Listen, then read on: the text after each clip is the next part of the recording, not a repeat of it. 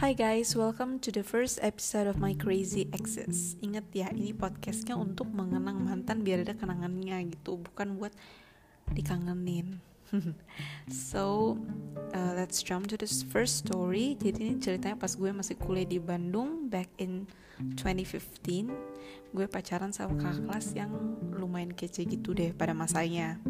Intinya gue tuh udah ngefans banget sama dia dari zaman gue ospek pokoknya akhirnya gue deket sama dia akhirnya jadian lah. Jadi langsung ke ceritanya nih gue masih nggak habis pikir sih sampai sekarang.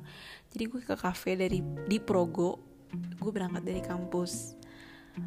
Uh, sialnya itu waktu gue on the way sama dia tuh gue kena tilang lah sama polisi. And we bribe the police 50 ribu. Kayak ya udah udah di bribe akhirnya kita langsung cabut ke satu cafe di Progo kafenya tuh lumayan hits deh kayak pasti nggak ada yang nggak tahu cafe itu apa. Uh, gue ngopi sama dia sama his friend. Gue inget banget waktu itu gue pesen caramel latte harganya 27 ribu. Karena itu menu favorit gue gitulah di sana.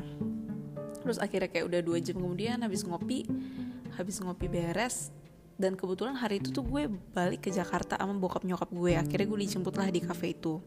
Habis pamit sama dia sama temennya gue pulang masuk ke mobil gue inget banget gue lagi dengar lagunya Scared to be Lonely-nya Martin Garrix. Karena gue galau gitu loh ninggalin dia. Terus tiba-tiba muncullah lain dari Des, uh, Doi.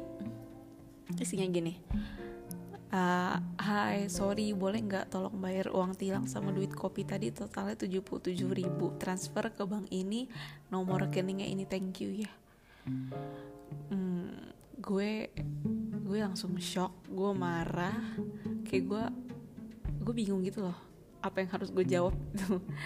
Akhirnya singkat cerita gue transfer lah sejumlah yang dia bilang 77 ribu. Tadinya mau gue lebihin cuman nanti dia gue takut dia kesenangan gitu loh.